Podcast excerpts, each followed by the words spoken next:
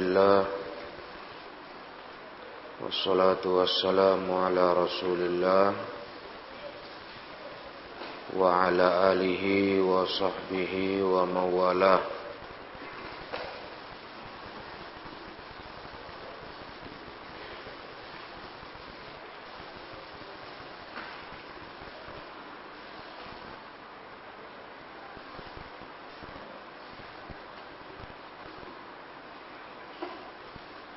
قال الإمام الرازياني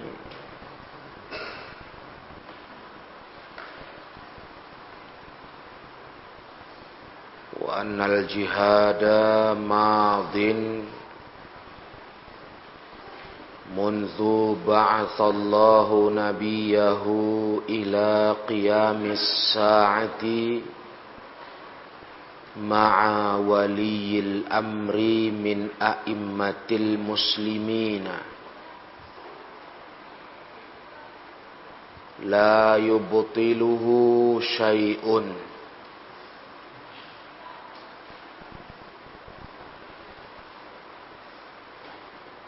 Dan bahwasanya jihad itu madin berjalan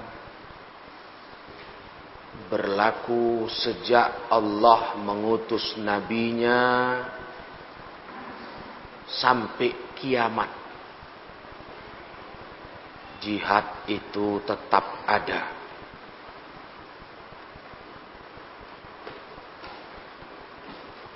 Sampai kiamat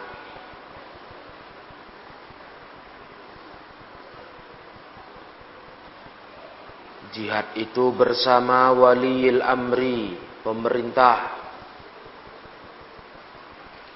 dari a'immatil muslimin, pemerintah umat Islam.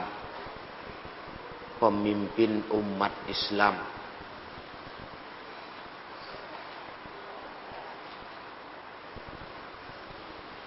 La yubtiluhu syai'un tidak dibatalkan tidak digugurkan satu apa pun juga.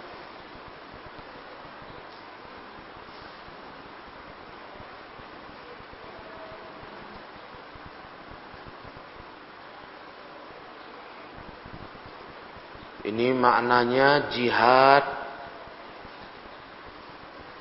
al-hujum menyerang musuh.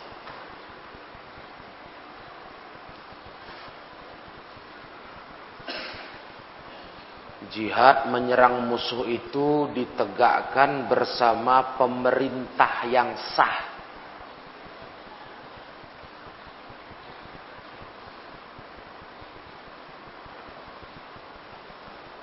Kalau jihad diva membela diri itu kapan saja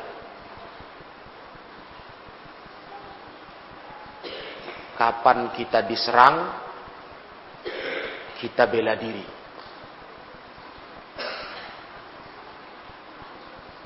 Itu kalau jihadnya diva. Karena jihad ada dua macam. Ada hujum, ada diva. Hujum berarti menyerang.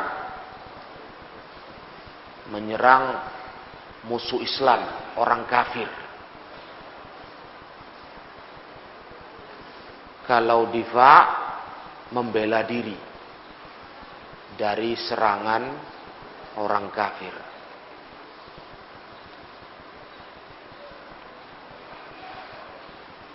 Poin ini menjelaskan jihad jenis pertama, hujum. Menyerang musuh itu berjalan bersama pemerintah. Bukan dilaksanakan masing-masing dari umat Islam. Nah,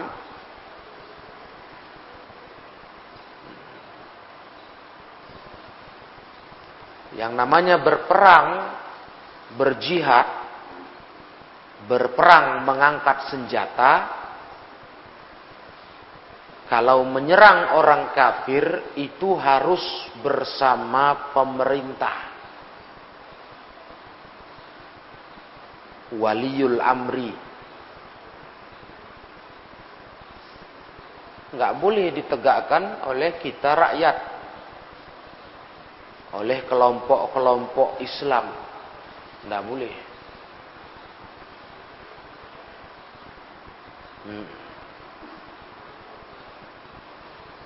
Tapi kalau jihad membela diri itu kapan saja. Kita umpama diserang orang kafir kampung kita kita bela diri angkat senjata jihad.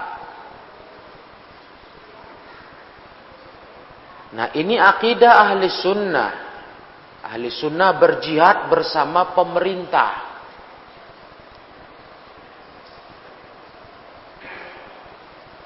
Berarti kalau kalian sudah paham ini, orang yang mengatasnamakan jihad dengan menyerang orang-orang kafir, orang-orang di luar Islam, tanpa dibimbing pemerintahnya, itu bukan jihad. Paham itu? Itu bukan jihad. cuma membonceng nama jihad. Bukan jihad itu. Menyerang orang kafir tanpa dipimpin pemerintah.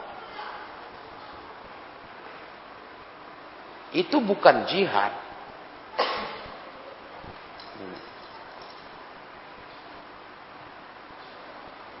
Itu namanya terorisme. Paham tuh? Ayo kita jihad kata mereka. Ayo kita perangi orang kafir. Loh, nggak boleh. Jihad itu bersama pemerintah. Waliul amri. Nah, jadi ajakan-ajakan memerangi orang kafir seperti itu itu ajakan batil. Ajakan yang nyalah, menyalahi agama. Nah, jadi dengan pemerintahnya jihad itu walaupun dia pemerintah itu pemimpin itu asi orang pelaku maksiat kalau dia ngajak kita berperang, ikut. Walaupun dia fasik atau zolim. Bukan mesti pemerintah yang adil. Kalau dia bilang kita ikut perang. Ayo. Misalnya kita kena wajib militer. Umur 17 tahun ke atas misalnya. Harus terdaftar jadi tentara untuk berperang melawan kafir, ikut patuh.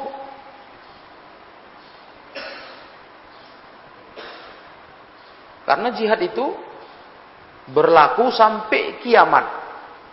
Sampai kiamat. Apa satu buktinya? Jihad itu terus ada sampai kiamat.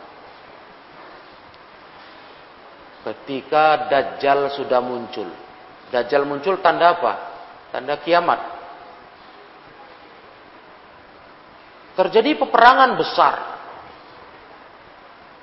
antara umat Islam di bawah kepemimpinan Imam Mahdi melawan kaum kufar. Nah, yang di situ ada riwayat Nabi Isa turun dari langit ke bumi. ikut ke pasukan Imam Mahdi untuk bertugas membunuh Dajjal. Kan perang itu, jadi perang itu sampai kiamat ada, jihad itu ada.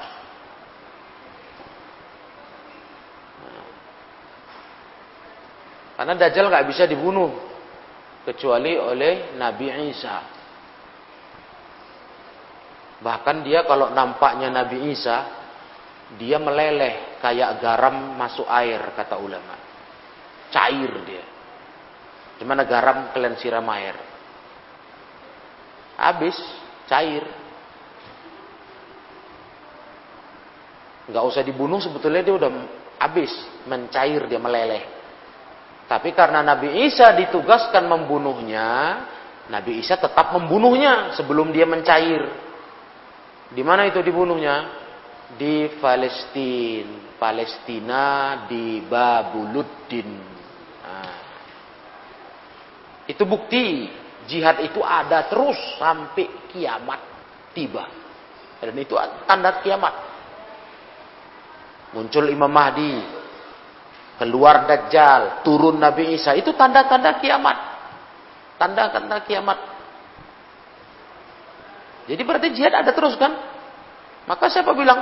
Orang bilang jihad nggak ada lagi sekarang. nggak usah lagi cerita jihad. Sekarang nggak zamannya cerita jihad.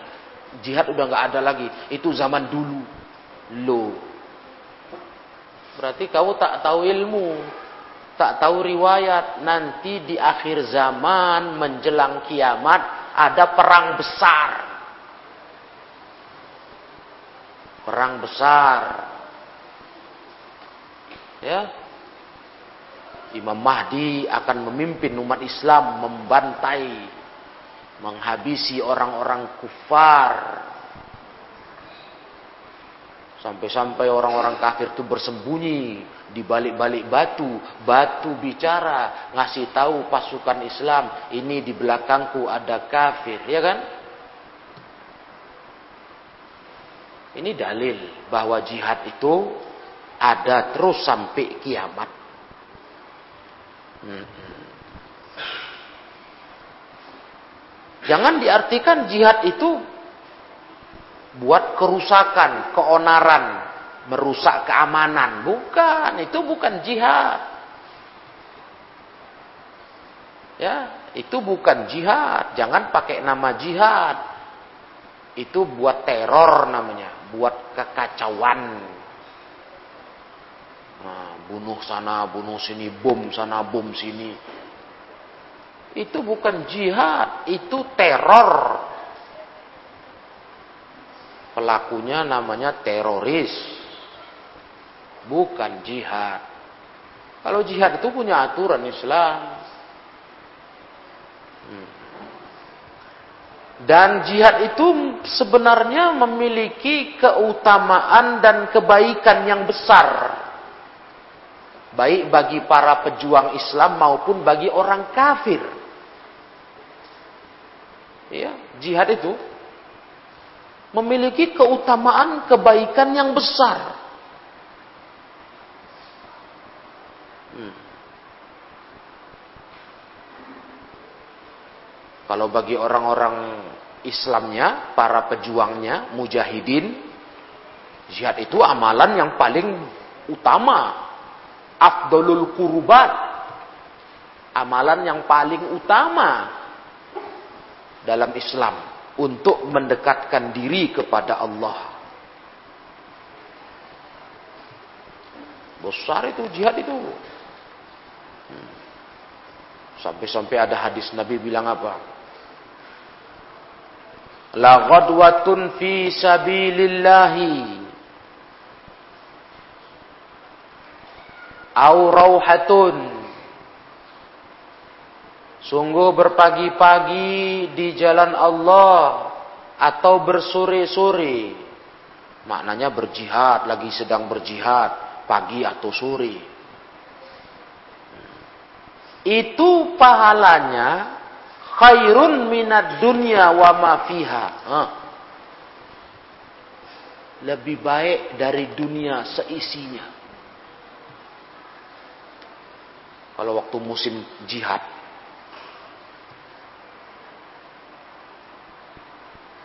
berperang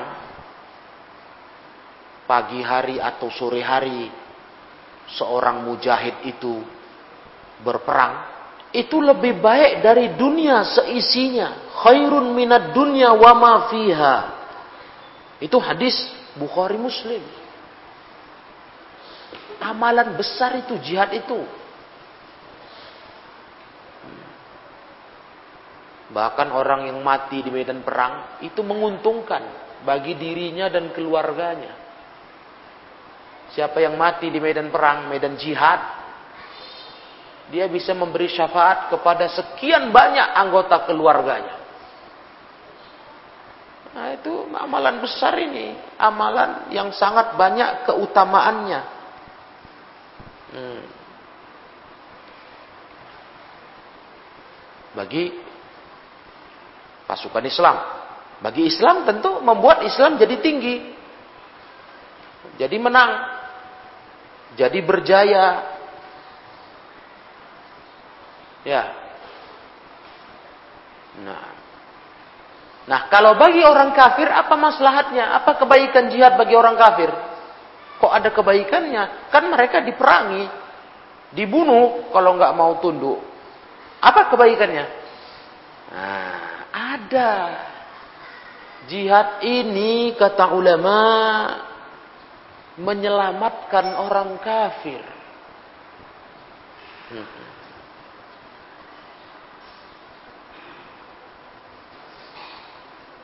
Kalau sempat mereka tidak diperangi, dibiar-biarkan saja kafir mereka itu, apa yang terjadi? Mereka akan mati terus di atas kekafirannya jadi kekal di neraka. Kalau ada jihad, nah, mereka akan bisa ada harapan tunduk masuk Islam, ya kan? Kalau kalah, hmm, ada harapan ke situ. Kalau mereka kalah, mau masuk Islam, selamat. Kan bagus itu untuk orang kafir. Kalau dibiarkan aja mereka, matinya mati kafir, masuk jahanam, kekal. Dengan tegak jihad mereka akan kalah. Sehingga ada harapan mereka mau tunduk kepada Islam, mau masuk Islam, aslamu. Hmm. Mereka akan masuk ke dalam Islam. Iya. Jadi sebenarnya itu kebaikan untuk orang kafir juga. Banyak orang kafir di zaman Nabi dulu sampai zaman para khalifah itu masuk Islam karena adanya jihad. Mereka kalah, tunduk, terus melihat bagusnya orang Islam ketika menguasai mereka. Akhirnya mereka masuk Islam. Ya. Atau ada yang jadi budak, diperbudak. Nah, waktu diperbudak oleh umat Islam, mereka masuk Islam. Setelah melihat mulianya orang Islam.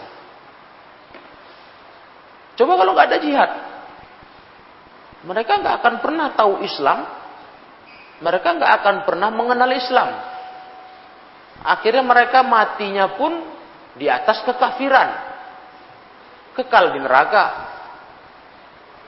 Nah, jadi jihad ini maslahat kebaikannya pun untuk orang kafir ada. Ya itu sejarahnya begitu. Berapa banyak orang musyrikin, kafirin masuk Islam di zaman Nabi karena jihad. Di zaman khalifah karena jihad. Itu tadi kan daerah mereka diserang oleh pemerintah kaum muslimin. Kalah. Nah, kemudian umat Islam berkuasa. Mereka nggak dipaksa masuk Islam, nggak ada Islam nggak maksa-maksa. Biar aja mereka asal tunduk kepada Islam bayar apa? Jizyah. Apa itu jizyah? Jizyah, sejenis pajak, istilahnya begitu. Bayar upeti kata orang sebagai orang kafir yang tunduk kepada Islam tapi nggak masuk Islam nggak apa-apa nggak dipaksa malah dilindungi tempat ibadahnya dibiarkan, nggak dihancurkan, gereja dibiarkan. Nah, tapi kalian bayar upeti, nah, bayar pajak ke negara Islam, karena kalian sudah kalah. Nah, dari situ mereka mengenal orang Islam. Oh, bagus ini Islam ini. Ah, kenal. Bagus pemerintahannya, Masya Allah. Ah, terus mereka masuk Islam. Banyak itu. Paham semua? Atau ya tadi yang diperbudak tadi. Ditangkap, tawanan perang, jadi budak. Ah, jadi budak. Tinggal semua orang Islam, melihat Islam itu bagus, ah, mendengarkan Islam, sudah masuk Islam. Begitu. Jadi masalahnya besar. Nah, karena mereka di atas kekafiran sebelum masuk Islam mereka di atas kekafiran dan agama selain Islam adalah agama yang batil. Mana ada pula agama semua sama ya kan? Hmm. Itu orang nggak tahu agama ngomong itu. Agama itu yang di sisi Allah hanya Islam. Inna dina indallah al-Islam. Jadi agama lain batil. Harus dimasukkan ke dalam Islam. Maksudnya didakwahi. Tak usah dipaksa.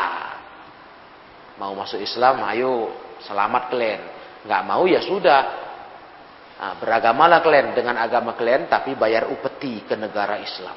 Bayar jizyah. Dah, paham kan? Nah, jadi Islam agama yang sangat indah dengan jihadnya. Jadi jihad itu bukan digambarkan orang perbuatan kejam. Kejam. Membunuh orang lain. Bagaimana kalian serang jihad dengan tuduhan begitu? Semua agama ada jihadnya. Ada perangnya, ya kan? Semua agama. Hmm. Contohnya Nasrani, Kristen. Ya ada jihadnya. Maka dulu pernah terkenal perang salib. Ya.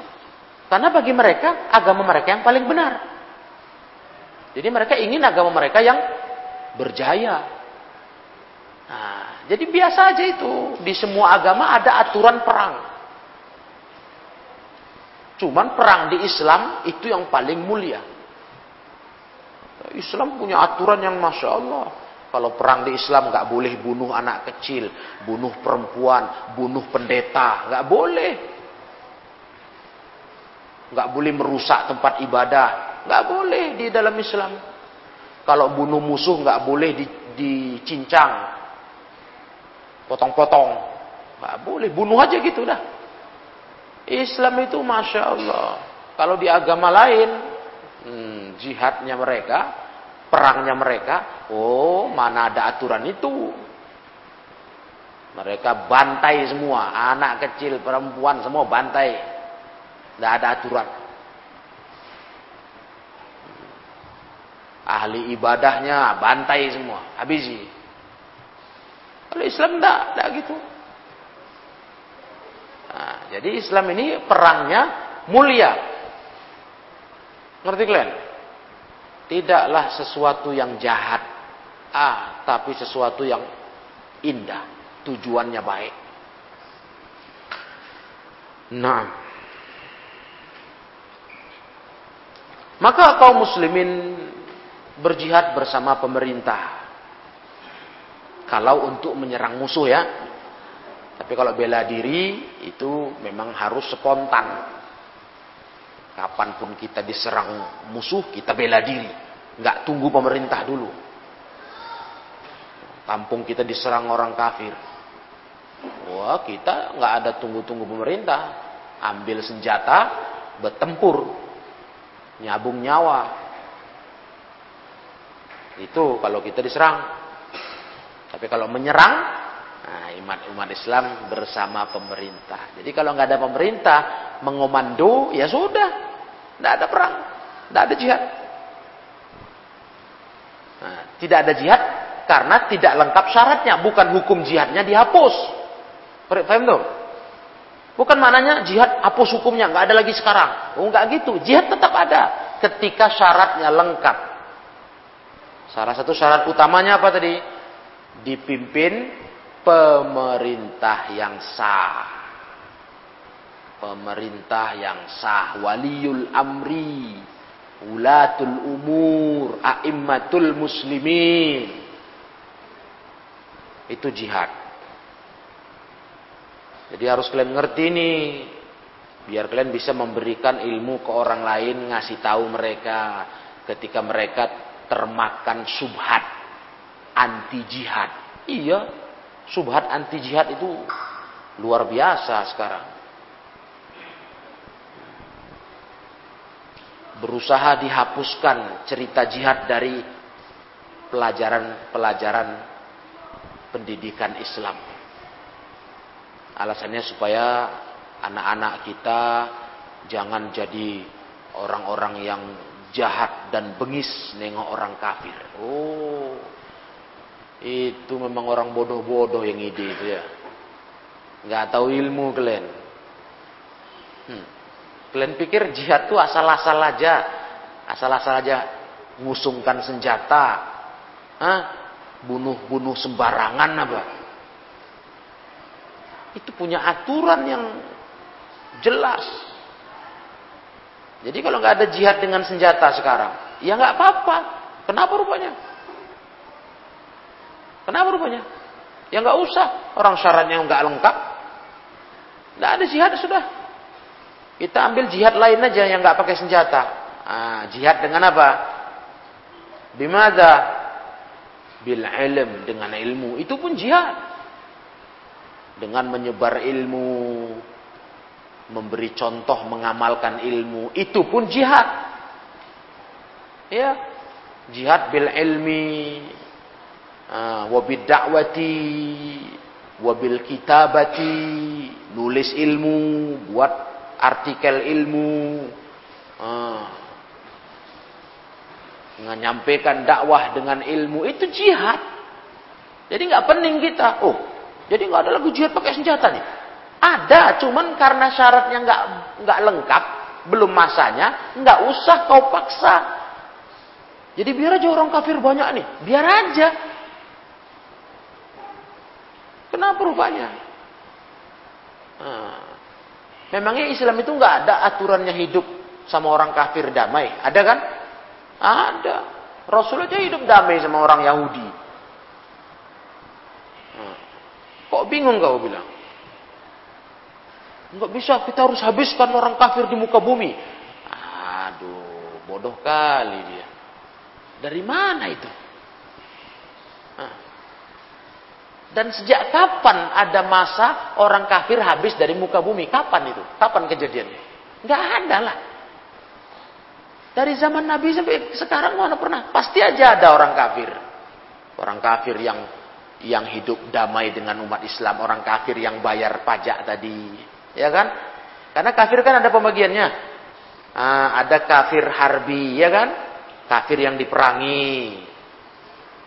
Ah, ada kafir yang terikat janji damai sama negara Islam. Sama-sama nggak nggak ganggu, nggak perang, ada muahad. Ada kafir yang ditanggung negara Islam yang mereka itu dilindungi itu yang bayar upeti.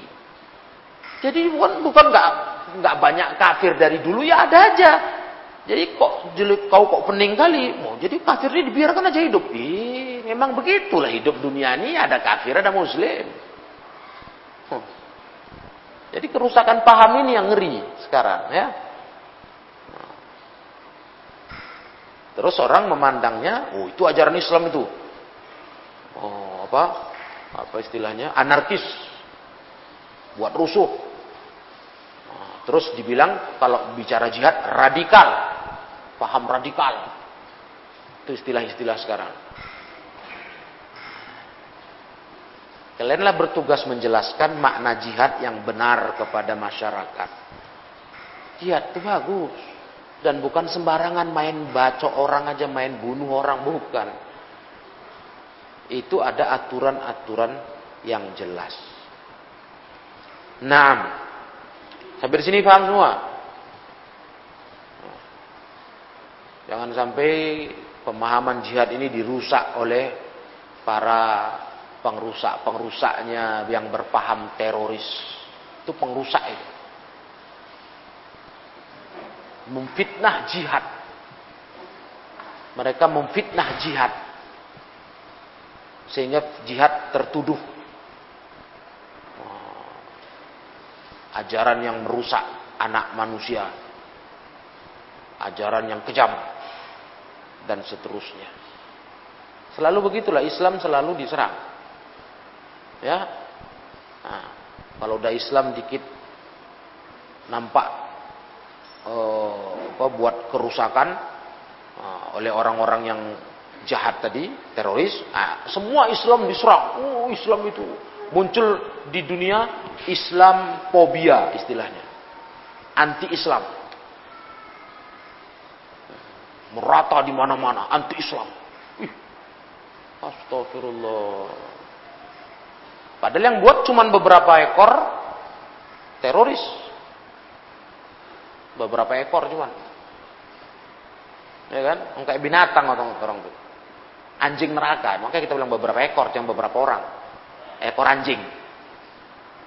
Teroris itu anjing neraka. Kurang ajar itu. Nah. Cuman berapa orang aja cuman kena Islam semua sedunia. Muncul gerakan Islam fobia, anti Islam. Waduh, ngeri kali. Tapi begitu agama lain buat jahat ke umat Islam, pembantaian di negara-negara e, Buddha misalnya, Myanmar, hmm, atau di negara komunis, Cina.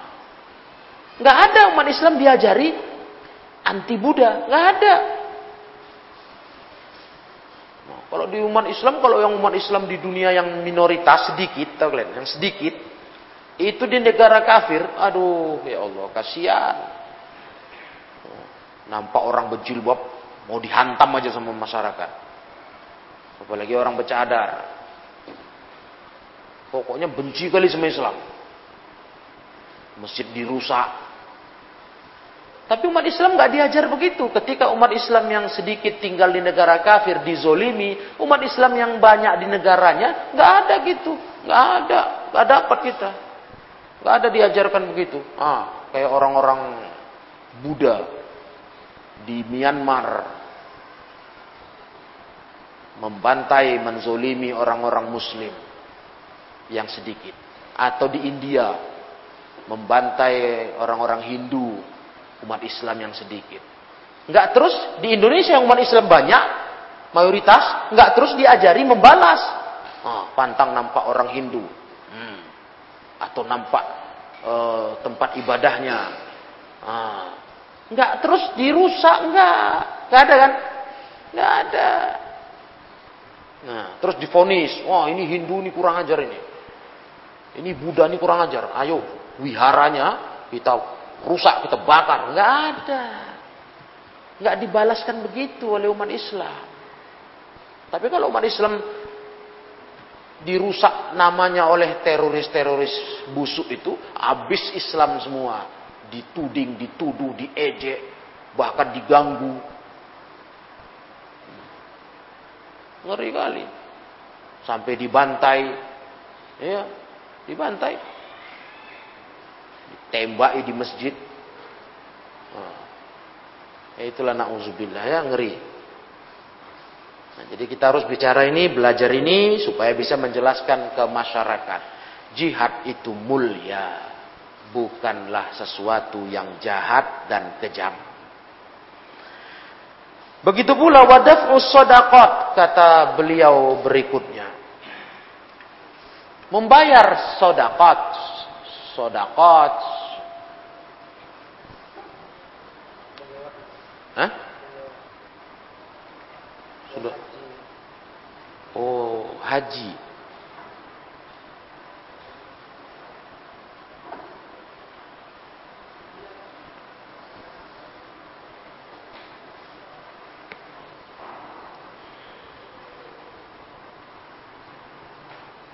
Haji dulu ya betul. Wa kadzalikal hajj madin ma'aulatil umuriyat. Begitu pula haji.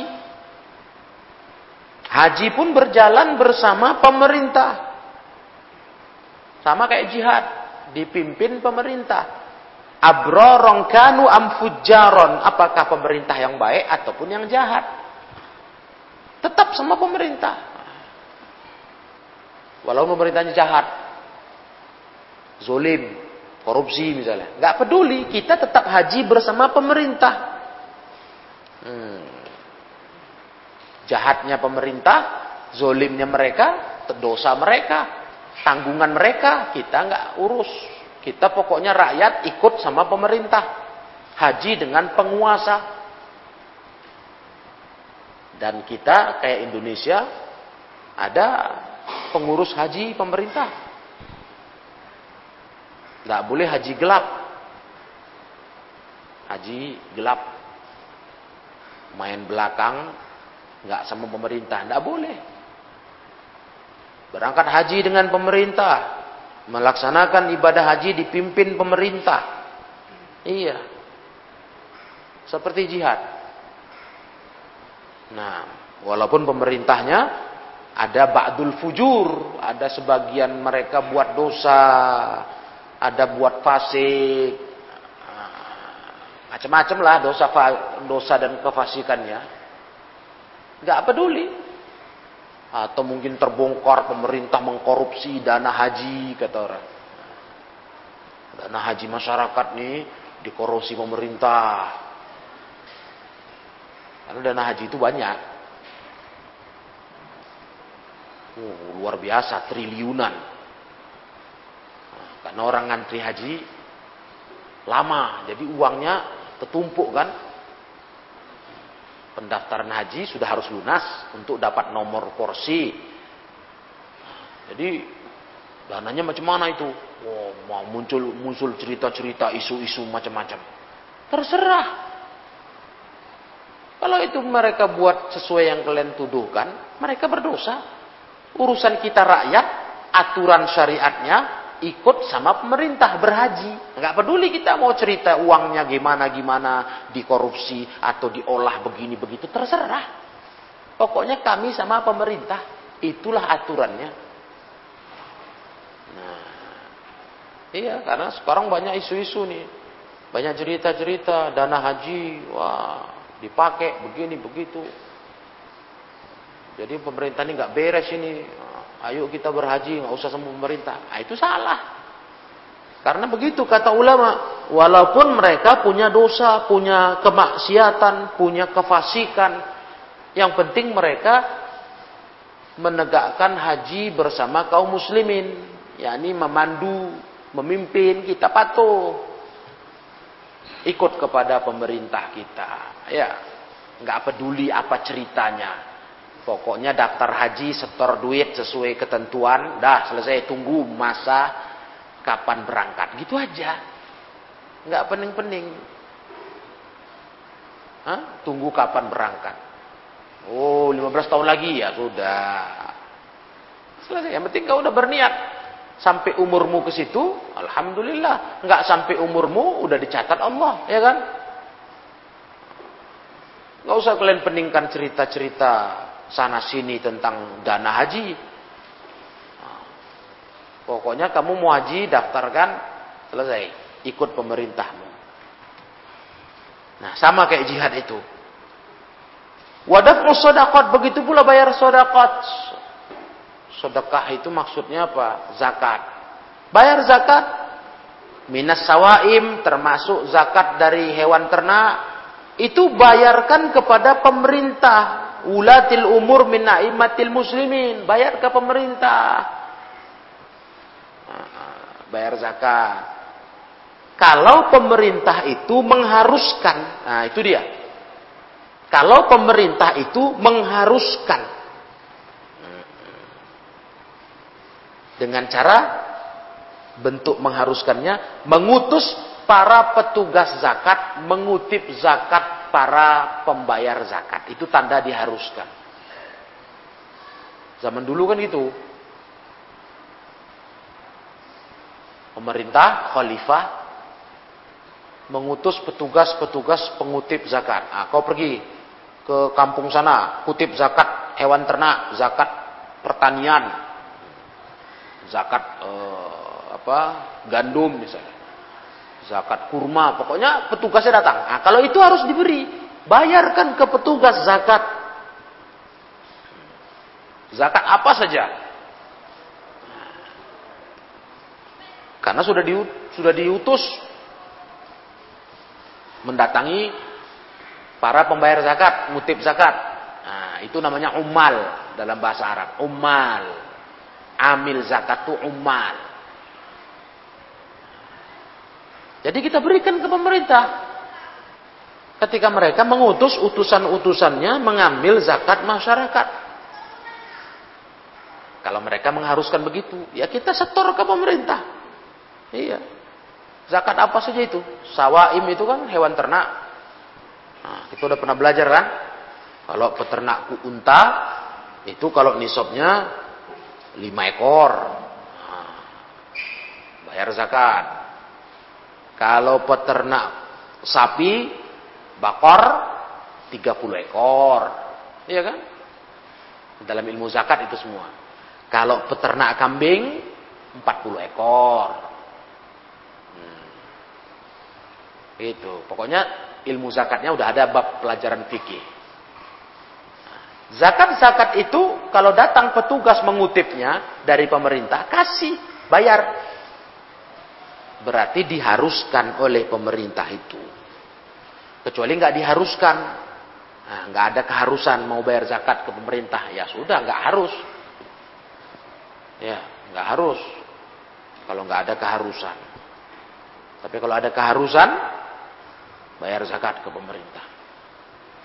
Nah, hmm, begitu ya. Adapun rincian masalah hukum zakat dengan segala macam jenisnya di pelajaran fikih sudah pernah dibaca dan masih dipelajari. Nah, nah itu pelajaran kita. Hmm, terkait dengan pemerintah. Sudah beberapa pelajaran, berapa poin sudah kita belajar. Yang semua ini masalah dengan penguasa dan pemerintah. Yang diawali pada poin-poin yang lalu masalah apa? Larangan memberontak, ya. Betul? Ahlu sunnah tidak memberontak kepada pemerintah. Malah ahlu sunnah itu patuh. Patuh dalam perkara apa? Perkara apa? Yang ma'ruf. Yang baik. Paham semua? Nah, Wildan, paham kamu? Yang ma'ruf. Kalau masalah yang tidak ma'ruf, maka tak ada taat kepada siapa pun juga. Cuman tidak taat, tidak berontak. Nah itu. Pokoknya nggak mau aja kalau disuruh yang jahat, yang menyalahi agama. Tapi nggak berontak. Hanya tidak patuh. Hmm. Sampai masalah jihad, masalah haji, masalah zakat, semua bersama pemerintah. Wallahu alam bisawab. Jadi sudah jelas ini ya. Harus paham ilmu ini. Jangan sampai dirusak oleh subhat-subhatnya ahlul batil pemikiran kita. Wallahu alam bisawab. Nah, ilahuna Subhanakallahumma wa bihamdik asyhadu an la ilaha illa anta astaghfiruka wa atubu ilaik walhamdulillahi rabbil alamin